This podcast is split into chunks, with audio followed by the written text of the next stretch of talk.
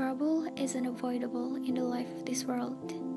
This is how Allah has decorated, and He has made it a place of trials and tests, and a bridge to the hereafter.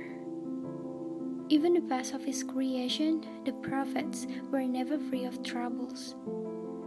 Life is never plain sailing for anyone, young or old. You may have reason to rejoice one day, then reason to feel sad for many other days. This is how it always is in the life of this world, and this is how people are all the time.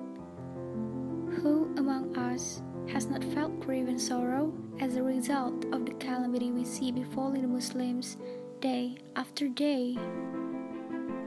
Who among us has not lost interest in this world and everything in it because what we hear or see? But when these feelings of sadness or bad moods persist and prevent us from living a normal life or carrying out duties that are required of us or fulfilling the rights of others, or they cause us to neglect the blessing of Allah which He has bestowed upon us and fail to give thanks for as we should. At that point, sadness moved from being something natural to being a case of weakness and sickness that needs to be treated.